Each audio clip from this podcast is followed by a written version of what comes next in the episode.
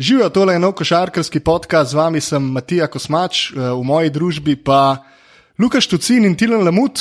Luka, ki je bojda tale ponedeljek, na katerega podcast snemamo, začel precej aktivno, oziroma ga končal precej aktivno um, z enim obiskom fitnesa. Je to res? ja, ja, v bistvu je enkrat za spremembo. Mal, um, ne samo govoriti o športu, ampak se tudi uh, ukvarjati z njim za spremembo. In um, dobro obveščeni viri mi pravijo, da si delal neki za roke in da so roke predvsej utrujene. Dobro si to prej opisal, oziroma je moj vir to dobro opisal. Dej, ko sem ulja, jaz sem ti to povedal. Kaj se dela? no, povej, no, povej. Ja, ne, noč, roke imam kar hrenov, ker res um, neke sklece sem delal z nekimi kolenčki do komovcev, tako da uh, ni bilo jih prijetno, no, tako bom rekel. Tilan, kako je bil pa tvoj vikend, kako si začel uh, teden? Pravzaprav? Ja, fantastičen vikend sem imel. V bistvu sem uh, ogromno časa preživel v družbi košarke. Um, V tem slogu pa v bistvu tudi nadaljujemo. Ne? ne, ne, ne, v bistvu mladinska, otroška košarka bi lahko rekli. A, Fantastična košarka. Za... Treba skrbeti za razvoj. Za... Tako, tako. Uh, ja, razvijemo tudi našo debato in sicer bomo začeli današnji prvi podcast z eno tradicionalno temo. Um, to kar je tradicionalno. Niti enkrat je nismo naredili, pa je že kar tradicionalno. Ja, seveda, zato ker hejtamo vsakič, ko se srečamo.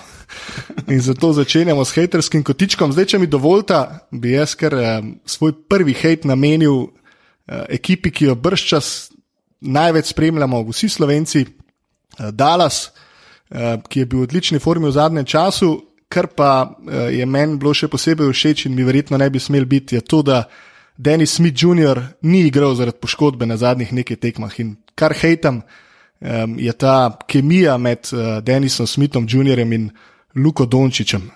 Zakaj? Zato, ker se mi zdi, da letošnji pik v drugi rundi Jalen Branson, ki je po moje največja kraja letošnjega nabora, uh, z Luko igra precej boljš, Luki prepusti organizacijo igre v več kot polovici primerov, um, sam se z lahkoto podredi in igra na dvojki, uh, se odkriva, um, pomaga pri organizaciji, če, če je to treba. Boljši šuter je, po mojem, od Denisa Smitha Jr. Denis Smith pa mislim, da ne pusti Luki dovolj kreacije. Aha, predvsem v, v zadnji tekmi je dokazal Branson, da je dober šuter. 4-0 ali 5-0, eh. trojke, nekaj takega. No, ampak to je bila prva tekma, da je metal tako slabo. Mislim, da je prej uh, bil kar tam blizu 40, 40 odstotkov Jalen. Ja, sam, jaz mislim, da vse, ne glede na to, da je Jalen Brown, uh, Jalen Brunson dejansko stil tega drafta, še zmeraj mislim, da ni tako dober, kot Denis Smith mlajši. Ne? Mislim, ja. se zdi Denis pač precej.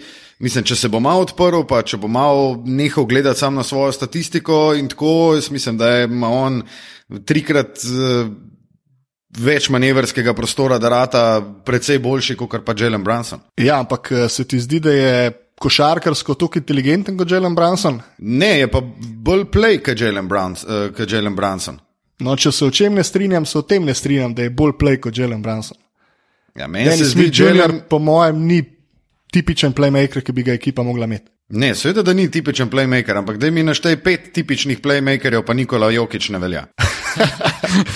uh, Chris Paul, John Wall. Uh, John Wall. ja, kar o bolu bi. Dej pomisli še okay, enkrat, pa, se... kar začni od začetka. Vse se strinjamo, da je John Wall eden uh, najslabših elitnih igralcev v Ligi NBA, ampak še zmeraj je playmaker, ki bo skrbel za to, da cela ekipa je, da vsi dobijo žogo, da vsi dobijo svoje mete.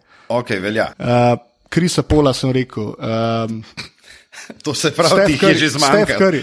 Steph, Steph Curry. Curry pa ni, ni klasičen in standarden organizator igre. Ampak, če ga primerjaš z Denisom Smithom Jr., Steph Curry vedno gleda soigralce in jih išče s svoje, svojimi podajami, svojo igro. Jasno, da Golden State kreira dost igre na tudi njegovem gibanju, uh, zato ker je najboljši šoter v zgodovini lige in seveda to izkoriščajo. Ok, tri imaš zaenkrat. Pa še to sta dva pogoja. Konsenza še nimamo, ne? Ne, ne mislim, jaz, jaz, jaz čisto razumem, ka, kam meriš, pa se deloma tudi s tabo strinjam, ampak Mislim, da smo malo na začetku, po teh 30 tekmah, malo preveč uh, začeli hejta Denisa Smita, ki ni slab igralec, res ni slab igralec. In z Luko se sicer izven igrišča zelo dobro razumete in mislim, da one dva lahko samo še napredujeta, v bistvu skoraj slabš, kot sta do zdaj, skoraj ne morata več pilati. No. To je res, tu se bom okay, strinjal. Kar si želim, je samo to, da se uh, mogoče mal podredi, ker je jasno, da je Luka zdaj najboljši igralec Dallasa. To je pokazal v prvih 20 tekmah ali pa v prvih 25. Um, upam, da se bo uspel podrediti. No. Drugače se mi zdi pa to, da Dennis Smith Jr., da se ne ujame tako dobro, odličen trade chip za Dallas. Tu se bom pa, to, to je pa, to pa dobro rekel. To je pa odlična ideja. Ja. Za njega dejansko um, lahko Dallas full dose dobi, če se odločijo ga tradati. Pa če ne bo šlo karkoli z Luko, ki bo itak njihov franchise player, pač smita dajo stran, je to to, ne? še skozi sane tvoj Jalen Brunson. Pa dobijo dost nazaj za, za Denisa Smitha, ker je pač dost dober čip, kot si rekel. Ja. Jaz sem se mal poigral uh, s trade mašinom na ESPN-u. Denis Smith Jr., Wesley Matthews proti koncu sezone, oziroma tik pred trade deadlineom za Antonija Davisa. Uh, sam, veš kaj, ne, Anthony Davis je super, je fully mene, ampak vsem. A veš, Palma spet je Andrej Jordan, uh, Anthony Davis. Ne? Ja, pa raj Andrej, imaš za eno leto.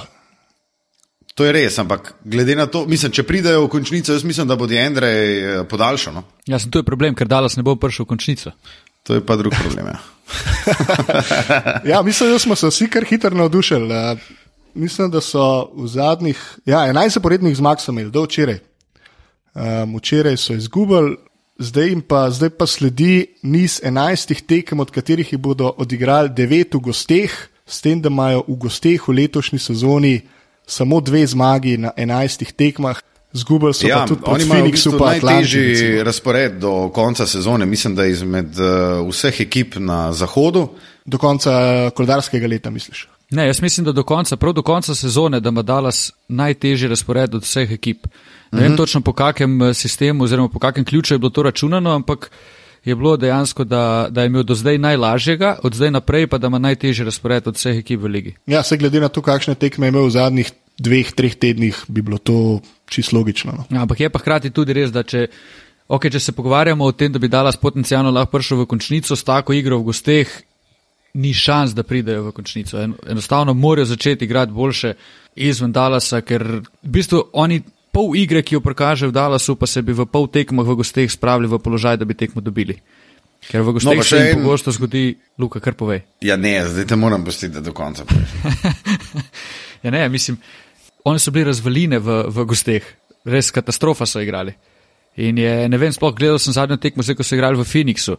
To je bilo brez repa in glave igra na koncu, tudi Luka se ni znašel in enostavno jim sistem ne špila v gosteh. Doma fantastično, tudi mogoče zaradi publike itd., ampak za kakršno koli resno ekipo na zahodu morajo popraviti igro v gosteh.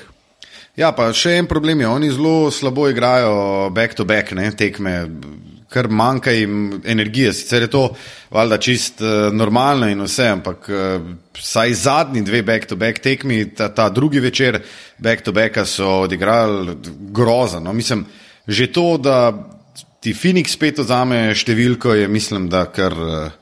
kar ampak je zanimivo, ne? No. V bistvu vprašanje.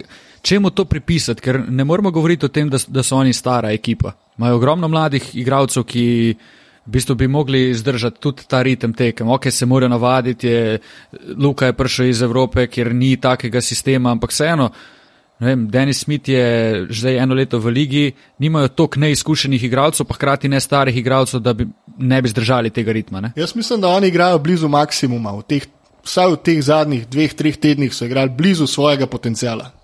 In, Kar je zaskrbljujoče. Ne? Ja, ker so igrali blizu svojega potenciala, so tudi toliko več energije vložili v te tekme, ki so jih na koncu dobili. Zdaj jaz mislim, da je to krivo, da so izgoreli na naslednji tekmi, kot je bila ta s Phoenixom, ki so trojke metali, ne vem, 15, 15 odstotno se mi zdi. Ok, jaz mislim, da smo zdaj um, spet malo, mislim, malo smo zajadrali, zdaj je v Dallas. moramo se drža, držati še haterskega kotička in ga bom jaz v bistvu kar nadaljeval. Meni je všeč, da bomo odprli vsak eh, podcast. Eh, s haterskim kotičkom. Ne pa, še en, ne pa še to povem, da tale podcast snemamo v ponedeljek, išel bo v sredo, tako da za kakšne tekme, ki so najbolj aktualne, smo mi mogoče mal v zadi na tiste, ki poslušate danes, kjerkoli že ste. Torej, um, nadaljujem jaz s haterskim kotičkom, prav? Prosim. Ja, Imam tri, ampak moram zbrati le eno zadevo. Uh, odločil sem se med uh, unim fiaskom na tekmi Miami in Lakersov, pa Dwayna Wadea, ki si je uh, vzel mete, ki jih nima pravice si vzeti. Ne, in uh, recimo, uh, odločil sem se tudi med tem, kako nesposobna in neumna je uh, lan prenovljena uradna stran NBA, ki me vsakeč znova spravi v živce, ampak moram pa začeti, mogoče malo presenetljivo. Ampak sicer bom začel z največjim vseh časov, Michael Jordan. Uh, v zapiske bomo dal posnetek, um, najbrž sta oba videla, kako je kot otroka najprej falil, potem pa za res za lepo splesko uh, malika monka. Ja. Mislim, kaj ti more iti čez glavo, da, da, da si tak, mislim, da greš udariti preglave svojega igralca, ki mimo grede letos sploh ne igra slabo, v bistvu igra zelo dobro. Jaz sem tudi delal ene dve tekmi Šarlota in igra Malik Monk, res soliden basket. Um, Gaj pa res, mislim, če ste videli, oziroma te bo, boste vsi videli, res ga je najprej ga je zgrešil, potem pa ga je klofno kot otroka. Sej, mislim, se vsi zavedamo, se MJ je goat, sam, mislim, Pol so sicer v javnosti rekli, da je bilo kao all good, starejši brat, mlajši brat, klufta in tako ne. Sam valjda ne greš tega dvakrat narediti, ker najprej ga je falo, pa ga je pa še enkrat, sam zato, da je pokazal, kao, da am the boss. Ne. In jaz ne vem, ampak po mojem se strinjate z mano, da kar je bil on dober, ker igralec je slab kot neka javna osebnost. Ne. Uh, ne samo to, da se boj, da ne pogovarja s tistim, za katere misli, da niso vredni njegovih besed, uh, spomnimo se, kako je že uh, v sezoni, ta zadnja, pri Chicagu 97-98, podpisal tisto enoletno pogodbo za 33 milijonov. Ne. 33 milijonov takrat je zdaj preneseno v leto 2018 s to inflacijo, pa gospodarskim stanjem, BDP-jem in tako naprej. Zračunan je to danes 52 milijonov. Ne. Eh, pa ne pozabimo, kako je s to pogodbo takrat pahnil cel eh, Chicago po njegovi upokojitvi v Grmoje, ne? ampak direkt v Grmoje, pa še uriniral je gor. Ne? In Chicago se ni, Chicago se ni znajdel ven, dokler niso v bistvu Derika Rosa draftali. In ker smo jih pri draftu, pa pri Michaelu Jordanu, prosti, sam še tole moram zrentati, pa pa postim. A bomo malo pogledali, kaj je Jordan draftu, odkar je rado najprej minority owner, pa pol športni direktor Charlotte leta 2006. No, dajmo malo pogledati igralce zbrane v prvem krogu, pa recimo, da so bili zbrani še uh, med top 10. A se mogoče spomnite Edama Morrisona, ki je bil zbran kot tretji? Super igralec, ja. v zvezdi je ubijal. Model ni mogel jabko v zvezdi ja, pobirati, za mošt stari. DJ Augustin, ki je v najboljšem primeru dober backup play, nobena resna ekipa ga nima kot prvega playa. Michael Kidd Gilchrist, ki ima tak met, da ima moje roke danes, kot hreno, ki je iz Interšpeleja, stari za roke, ker ima najgrši met trenutno v ligi NBA. Um, pol, naslednji je Cody Zeller.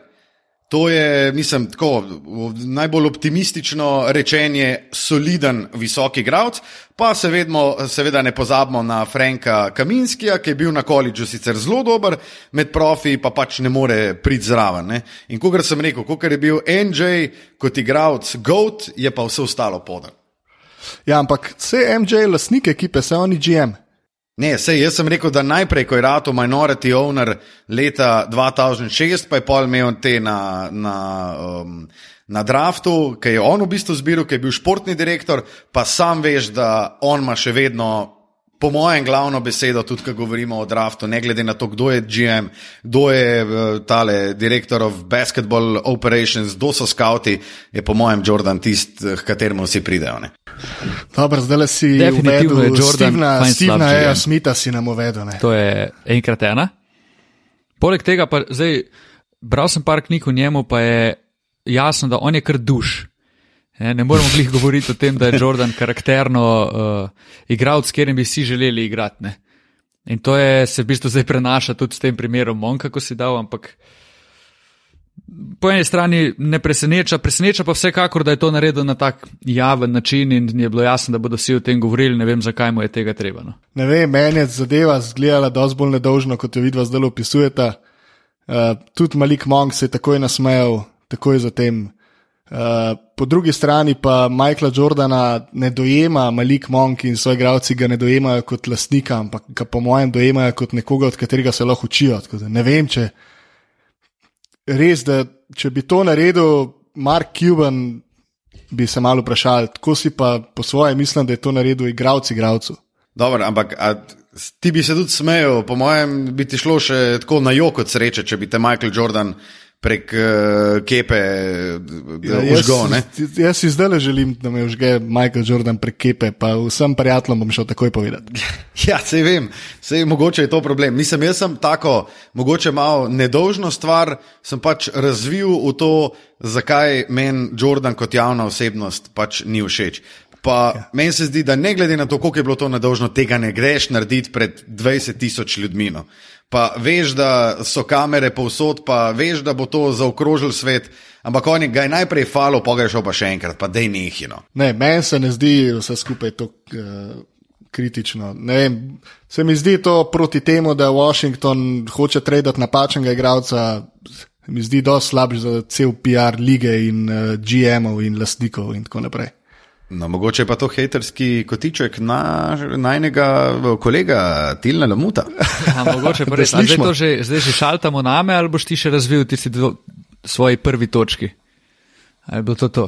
Ne, jaz sem razvil svoje, svoje točke, mislim, da do potankosti. No, super. Uh, v bistvu res je, ne? Uh, dve zadevi imam pripravljeni in ena je ta famozni trade, ki so se dogovarjali mojstri iz uh, Phoenixa, Washingtona pa Memphisa.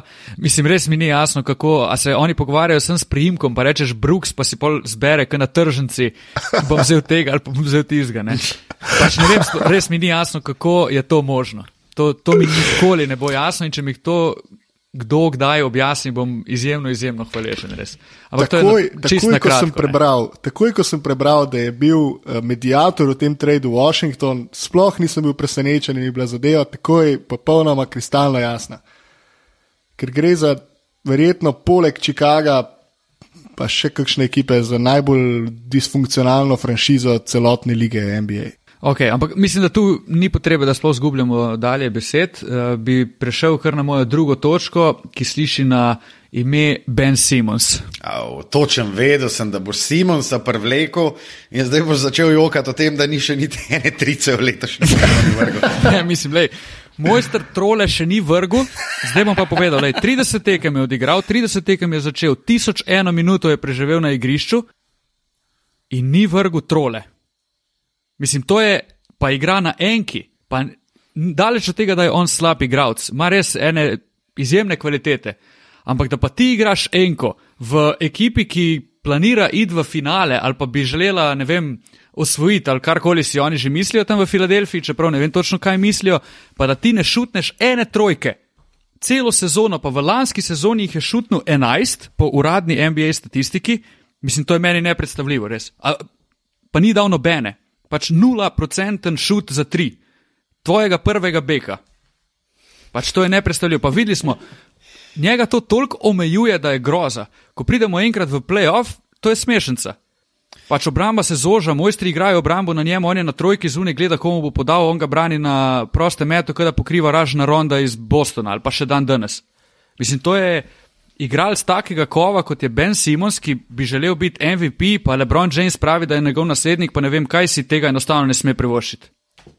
Jaz bi Evo, se fulj strinjal s tem. No? Mislim tako, uh, predvsem, ker bo na vrata potrkala končnica, potem mislim, da Filadelfija nima, nima nekih uh, realnih možnosti.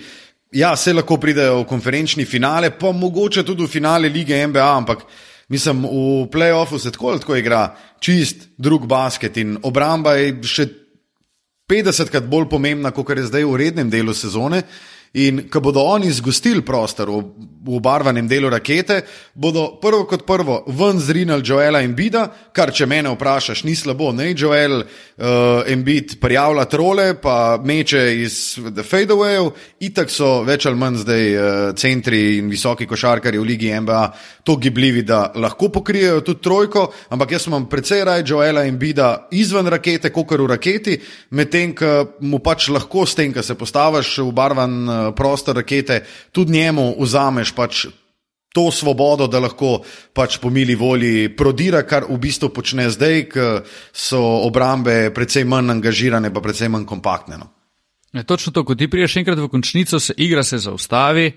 Vse se igra bolj počasi, ekipe se dejansko pripravljajo na svojega nasprotnika, imaš več tekem, na tri dni proti istemu nasprotniku, iz tekme v tekmo prilagajaš zadevo in takrat je konc veselja za to Filadelfijo. Res, mislim, če Simos ne bo začel igrati bolj kot zunani igralec, nimajo oni kaj iskati. Mislim, nimajo kaj iskati v smislu osvajati prvenstvo, biti nevarni za finale ali pa karkoli. Enostavno ne. Se pa tudi ne strinjam s tem, kar se rekel za Embida. Za Filadelfijo je še skozi dobro, da je on velika, velika nevarnost v, v raketi. On mora biti dominanten center, ker ima telo, ima sposobnosti za to, da to je. Je super, da lahko šutne trojko, kar ga tudi v bistvu dela odličnega, ampak on mora svojo igro graditi na, na igri v raketi, pa mogoče na pol distanci, to je pa to. Je pa to. Ja, pa jaz, sem ti, jaz sem ti rekel, da je slabo za Filadelfijo to, da, oni, da nasprotniki zgostijo prostor v raketi in embida porinejo ven. Sem rekel, Aha, okay, da imam precej raj raj Embida uh, v Zuni, če sem pač nasprotna ekipa, pa ne šutira trojke in pol razdaljo, uh, kot da ga imam v raketi, da me bampa, pa pounda in zaključuje. Ne? Ja, no, Luka, to je pa super, pa se pa strinjava.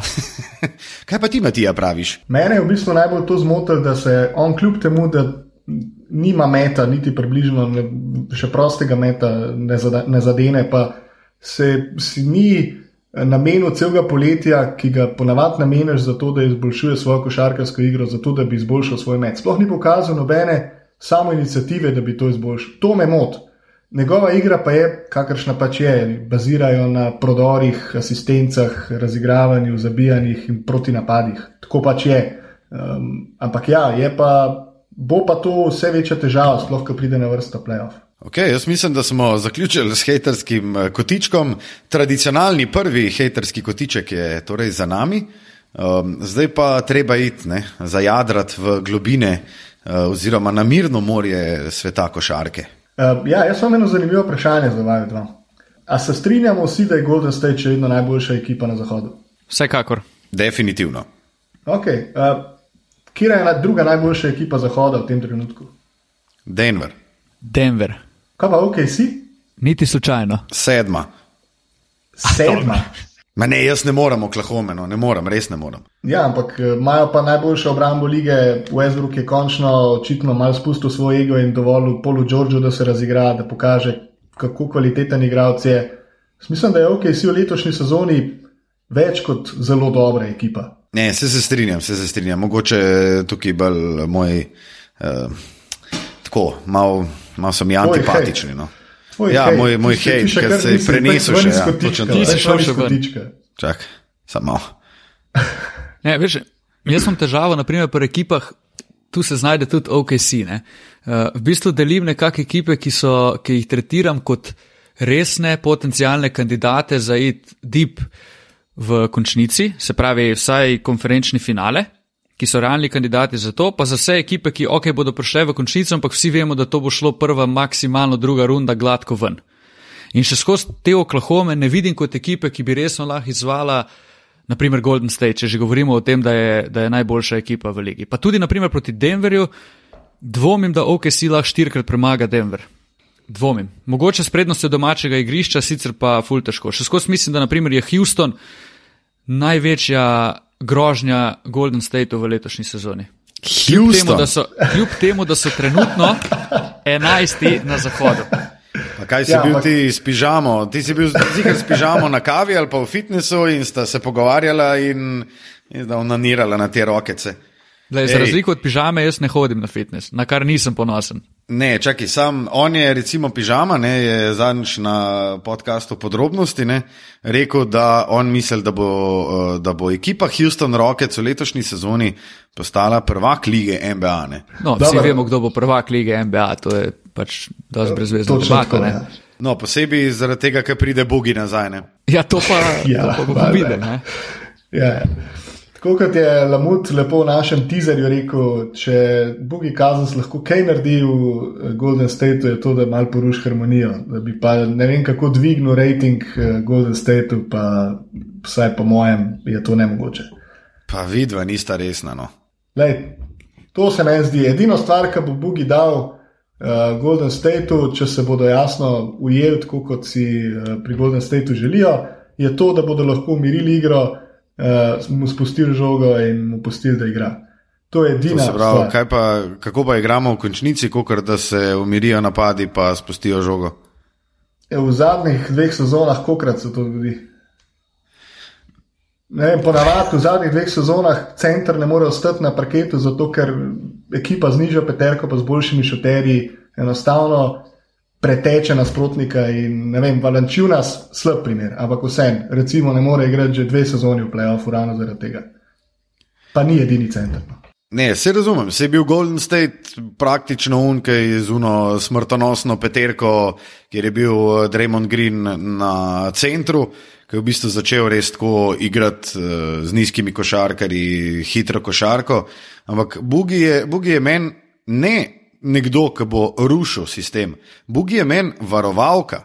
On je meni varovalka v smislu, da je on all star, on je, ki je zdrav, najboljši ali pa ajde, top 3 centrov v ligi NBA. On je samo še dodana vrednost. Jaz sploh ne vidim, kako bi on lahko porušil kemijo s tem.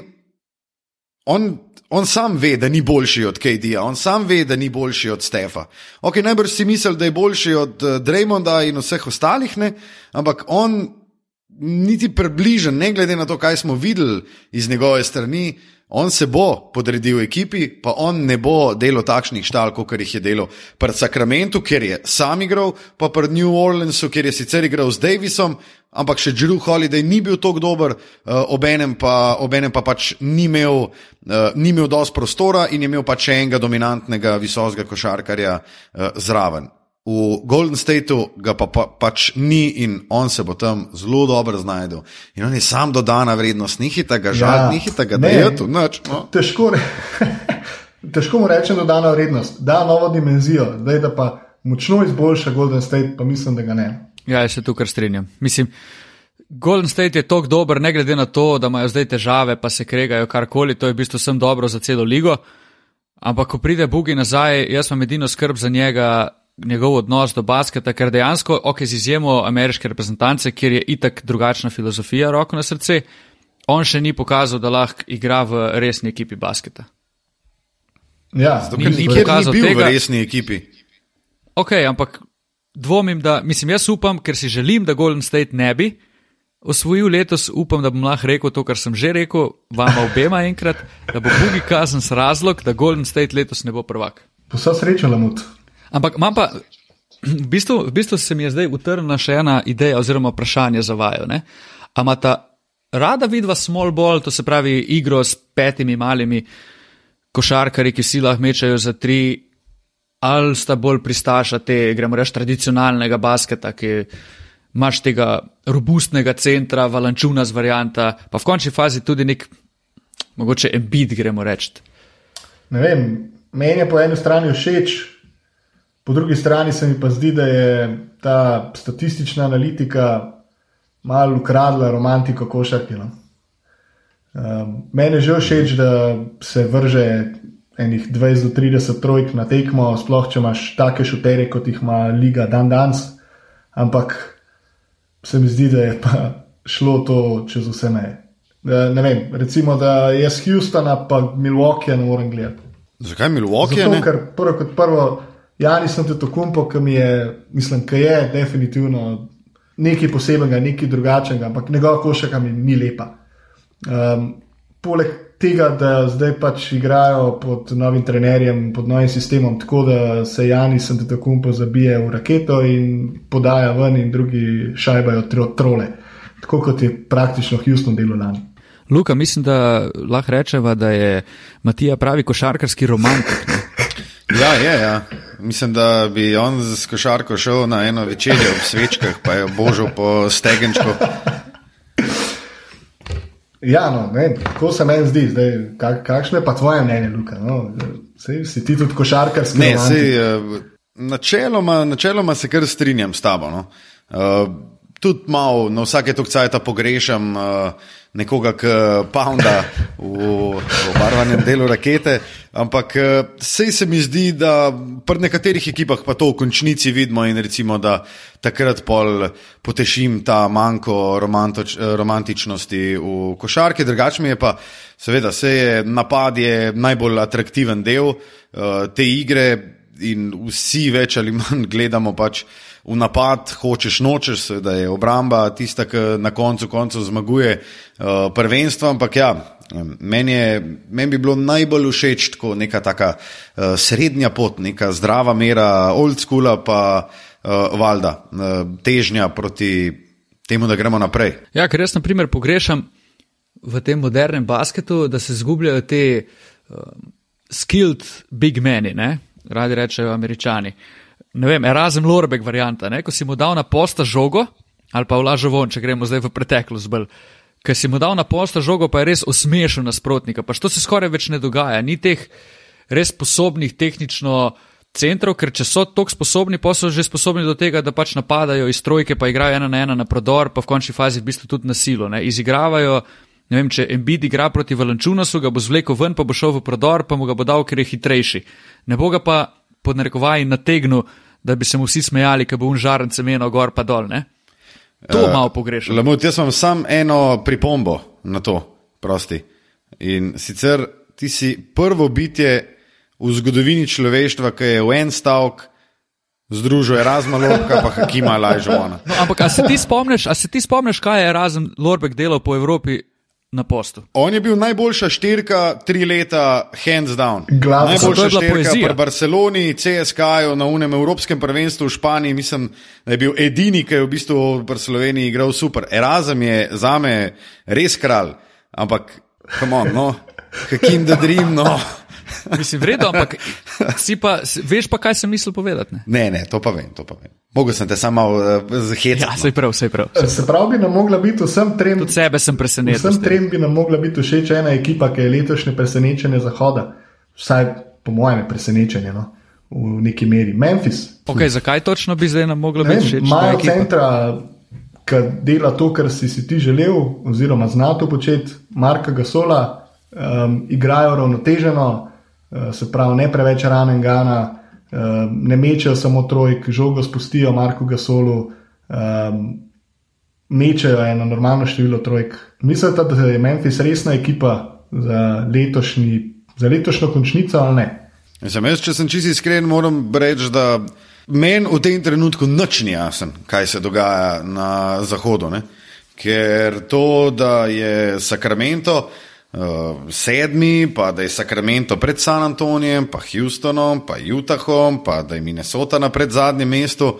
Ampak se pravi, ne, noč ni jasen. Od tretjega do um, 14. mesta pet zmag razlike, kar pomeni, da se to lahko spremeni praktično v desetih tekmah, da, ali pa ajde, dvajsetih tekmah, da recimo neka Minnesota, ki je trenutno uh, na predzadnjem mestu zahodne konference, pride konc koncev na tretjega, kar se sicer nikoli ne bo zgodilo, ampak ne, nekaj tasga. Mogoče si bi dal um, boljši primer, če bi rekel, da se Juta prebije iz 13. mesta na tretje. Okay. Ja, ja, ja. Ali pa Houston, recimo iz 11. Ja, Minnesota ne gre v playoff, mi je zelo žal za vse navijače, ampak žal ne bo šlo. Ja, ja tukaj se lahko pa noro, veliko horda navijačev ja, Minnesota. Vsem se upravičujem za še eno slabo sezono. Kolikor že je. Mogoče se iz časov uh, Raša Nesteroviča še najde, kakšen navijač mi nasote, kaj veš. E, imam pa jaz za vajo eno vprašanje. In sicer, kaj, kaj, pa, kaj pa mislite recimo o teh ekip, ki so zdaj um, na zahodu, če ostanemo kle, recimo v playoff picture ali pa pod tem, kjer ekipa dejansko mislita, da bo presenetila. Kukor, to je nekako podaljšek tega vprašanja, ki si ga v bistvu že ti nastavil, Matija. Uh, Memphis, ne? pa Sacramento, pa konc koncev Clippersi. A lahko dejansko ostanejo tam od 5 do 8, ali bomo v nadaljevanju sezone videli dvig San Antonija, Houstona, Utaha? Jaz verjamem, da Memphis lahko pride v končnico. Clippers, Clippers je mogoče. No? Sacramento bo pa, vsaj po mojem, padel. Igrajo sicer zelo dopadljivo, zelo dopadljivo košarko, igrajo zelo hitro, z velik meti, ampak mislim, da je njihov odstotek meta v tem trenutku previsok, da bi zdržal na dolgi rok. Ja, mislim, po mojem mnenju, Clippersi, Grizzly, Kingsi si izpadajo. Mislim, jaz si ne predstavljam letos končnice na zahodu brez, ne vem, Houstona, San Antonija, New Orleansa v končni fazi, pa tudi Utah, Utah mora priti. To so vse ekipe, ki se bodo, po mojem, močno, močno dvignile, sploh pa to velja za Houston. Jaz skus mislim, da bo Houston imel prednost domačega igrišča v končnici in tudi Denver. Denver bo tudi padel, ker je trenutno prvi. Definitivno mislim, da bo letos prišel v končnico, ampak dvomim pa, da, bo, da bodo zdržali do konca leta na tako visokem nivoju, da bi bili. A mogoče bodo imeli prednost domačega igrišča, ampak tudi to dvomim, da se bo zgodilo. Jaz verjamem v Houston. No? Čeprav jim manjka igralcev, klop imajo res kratko, igrajo, pa je Zeja Hartenstein igra in podobni. Malo je smešno, no? kaj so vse zgubili za Rizo, pa Lukom in Bajama Mutem, recimo, ker sta poprečna igralca, ampak sta res dala veliko Houstonu in so precej izgubili, no? tle imajo velike težave. Juta mi ni jasno, kako je še le 13 in se bo po mojem tudi dvignil. Medtem ko San Antonijo, po mojem, igrajo tako čudno košarko. Ne vem, no. v današnji ligi jaz dvomim, da bojo v končnici. Jaz, ne, mogoče se bo končno zgodilo, čeprav pred prsom pa popu nikoli ne sme staviti, ampak mogoče letos pa res ne uspe priti med osom. Ampak po tem, kar smo do zdaj videli, ne, bo definitivno na zahodu bo eno veliko ime izpadlo ven. In tu zdaj ali spursi ne bojo igrali playoffa, ali New Orleans pa Davis ne bodo igrali playoffa, ali bo Mitchell z Utahom izpadel, pa ne bo igral playoffa, ko v bistvu ga lani, naprimer, če bi se lani pogovarjali tak čas, ne bi nihče rekel, da bo Utah sploh igral. V playoffu. Ne? In pa so dejansko letos imajo isto ekipo kot lani, ampak je Mitchell tako vseeno vdušil in prepričal, da zdaj kar vidimo, ne vem, prednost domačega igrišča. V bistvu tudi moramo... drugo, drugo polovico sezone navdušil, pa bil najboljša ekipa v ligi v drugi polovici sezone. In tudi Donovan Mitchell je Um, če sem prav slišal, že na koledžu zelo slabo začenjal sezone in se potem uh, počasi dvignil. Tako da Juta, po mojem, bo ujel ritem in, in uh, prišel med vem, top 6. Ok, fanta, zdaj pa mislim, da moramo iti že na vzhod, zato ker imamo še ne 5, 6, 7 minut. Um, Matija, kaj, kaj, kaj misliš? Um... Jaz imam v bistvu vprašanje za Lamuta, ker na vzhodu ima ono ekipo, eh, ki mu je zelo ljuba, v kateri zelo rad govori. Um, je Toronto resen letos za finale konference? to je pa klasičen primer provokacije, bomo rekli. ja, povej. Ne, čak, kaj si, kaj si vprašal? Toronto je resen uh, kandidat prosim, za finale konference. Oziroma, če, ja, finale če, konference prišel, če ga vidiš v finalu, kateri dve ekipi vidiš v finalu konference? V finalu konference še skozi vidim Filadelfijo pa Boston. Razen če se pač ena izmed teh, če se srečata prej, ne? odvisno od uh, razporeda. Če se Toronto izogne zaradi samega standinga po koncu rednega dela Bostonu pa Filadelfiji, pol mislim, da bi skoraj mogli priti. Ker še skozi v playoffu moraš ti štirikrat premagati nasprotnika. Ne? Zdaj jaz ne verjamem, da bi Toronto lahko dejansko, vem, štirikrat izgubil od Indijane ali pa v končni fazi tudi Milwaukeeja. Tako da v bistvu vidim Boston pa Filadelfijo finale, če pa se srečata prej, pol tukaj vidim Toronto. Ampak vsekakor pa Toronto pol ne vidim, da bi štirikrat premagal ali Filadelfijo ali pa Boston. V bistvu, če se Filadelfija pa Boston srečata prej, bo Boston 4-1 šel naprej. Luka. Ne vem, jaz sem pred začetkom sezone rekel, da bo Toronto itak čovknil v končnici, ampak nisem več tako prepričan. Jaz Toronto mogoče celo vidim vidim ob koncu sezone. V vsakem primeru jih vidim v konferenčnem finalu, s Kawajem, če bo zdrav. Mislim, da celo, mislim, da celo lahko pridejo v finale lige MBA. No. Bi pa, mislim, zelo simpatično mi dejansko igra. No, meni je Kawhi tak eden izmed ljubših igralcev. In negativno me je presenetil Boston, pač ekipa našega Tilna Lamuta. Um, in zdi se mi pa tudi, da Filadelfija zaradi prejšnjih razlogov, ki smo govorili, ne more priti v finale lige NBA. Tako da jaz recimo rečem Boston, Toronto v finalu vzhoda in po sedmih tekmah, recimo, da Toronto naprej. Ampak ta, ta napoved se bo brž čas tekom sezone kar nekajkrat še spremenila. Ja, jaz tudi verjamem v Toronto. No. Še eno vprašanje je v bistvu, a, a resno jemljete Kawaja pred Toronto? A mislite, da bo podaljšal po koncu letošnje sezone? Odvisno od tega, kako se sezona izteče, po mojem. Da, gremo reči, da pridejo v konferenčni finale. Jaz mislim, da če pridejo v finale lige, bi znal podaljšati. Se strinjam. Ok, se pravi, konferenčni finale je premalo in gre. Mislim, da gre v Clippers. Se zna zgoditi. Ja. Se pravi, ga ne, ne, ga ne jemljemo resno. Ne? ja, ga, zato ker jemljem Toronto resno in ga vidim, mogoče tudi jaz v finalu. No. Če bodo ostali tako, kot so igrali, tako kot igrajo v tem trenutku, če bodo igrali celo sezono, če bodo vsi zdravi. En Paskal si jakam naredil full velik korak naprej in je poleg Kawaja mogoče najpomembnejši igralec Toronta. Tako da ja, jaz jih vidim, jaz jih vidim mogoče v finalu lige. No. Noben je omenil, sicer noben je omenil Milwaukeeja. Z razlogom. Ma ne, pa jaz bi prvoščil drugače Milwaukee. Meni je Milwaukee čist, uh, čist fin. Ne?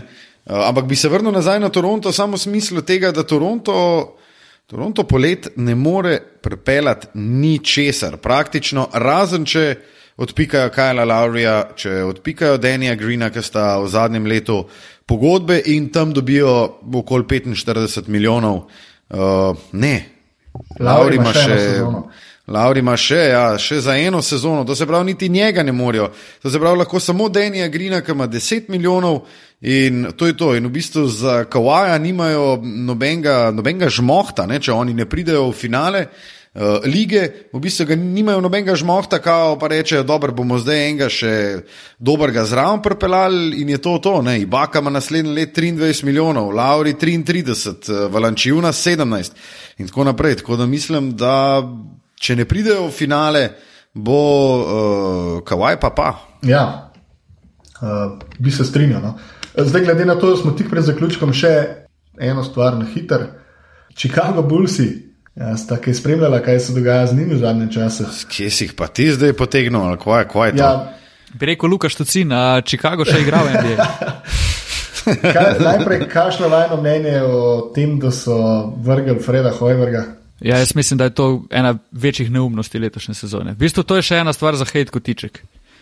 Ne, ker ti, če je pa Fred Hojberg bil največja težava tega Chicaga, pa pa, pa, pa res najme koklje brcne. Ne, sej, on je bil itak žrtveno jagnje, se to je bilo, to je bilo jasno. No. S tem, da ni imel niti recimo Markanena, ni imel, ki je bil še celo sezono, mislim, cel začetek sezone poškodovan. Ne, mislim pa se ne, da je Markanen kakršen koli kol faktor, ampak pač ja, on je, Hojberg je bil pač sam žrtev mahinacij znotraj, znotraj moštva in tako je Tilen rekel, on je bil ne kriv, ne dolžen in je pač dobo košarka. Ja, res je, imel, res je imel smolo z ekipami, ki jih je imel v Chicagu v zadnjih nekaj letih. Ne. Ampak to, da si je recimo vodstvo Chicaga sploh mislilo, da so oni lahko resni igralci v letošnji sezoni, to je meni znanstvena fantastika. Oni bi morali letos se no, da so oni mislili že to, s tem, da so Zeka Lavina polet pobrali, pa so rekli, no, zdaj smo pa, zdaj smo pa igračine na, na isto. Je tako, da bi jaz rekel, da sem pisal, da Gordon Ramsay pa znam sam jajčka omešana. Ja, ja, pa Džabari je parker, ne? za 20 milijonov na sezono. Ja, Džabari. Da Džabari, ja, Džabari je na odstrelu. Na izhodnih ja. vratih. No, je pa zanimivo. Chicago, potem ko so odpustili Freda Hojberga za časti trener, oziroma mislim, da so ga celo za glavnega trenerja imenovali, um, njegovega pomočnika Jima Boylana, ki je pa po porazu na back-to-backu proti Bostonu za 56 pik um, naslednji dan, oziroma že na koncu tekme, najprej zamenjal celotno prvo peterko, naslednji dan pa organiziral uh, dve uri pa pol dolg kondicijski trening v Ligi NBA. Da, mislim, da to samo piše stanje v Chicagu v tem trenutku. Ja, dosta se ja. razpadajo. No. Zmago Sagadin se pa obrača v roko. Kam je šla košarka? uh, ja. No, jaz bi, mogoče bi se zdaj še pol minutke, pa bi omenil Miami, ki ga nismo se dotaknili v tem podkastu, tudi igra na vzhodu. Miami je še ena ekipa, ki jo imam izjemno, izjemno rad. Uh, in mislim, da bodo prišli v playoff, kljub temu, da so trenutno izven. Pogoj za to pa je vsekakor, da se vrne drag. Jaz mislim, da ne gre. Več pa, več pa mogoče prihodnič.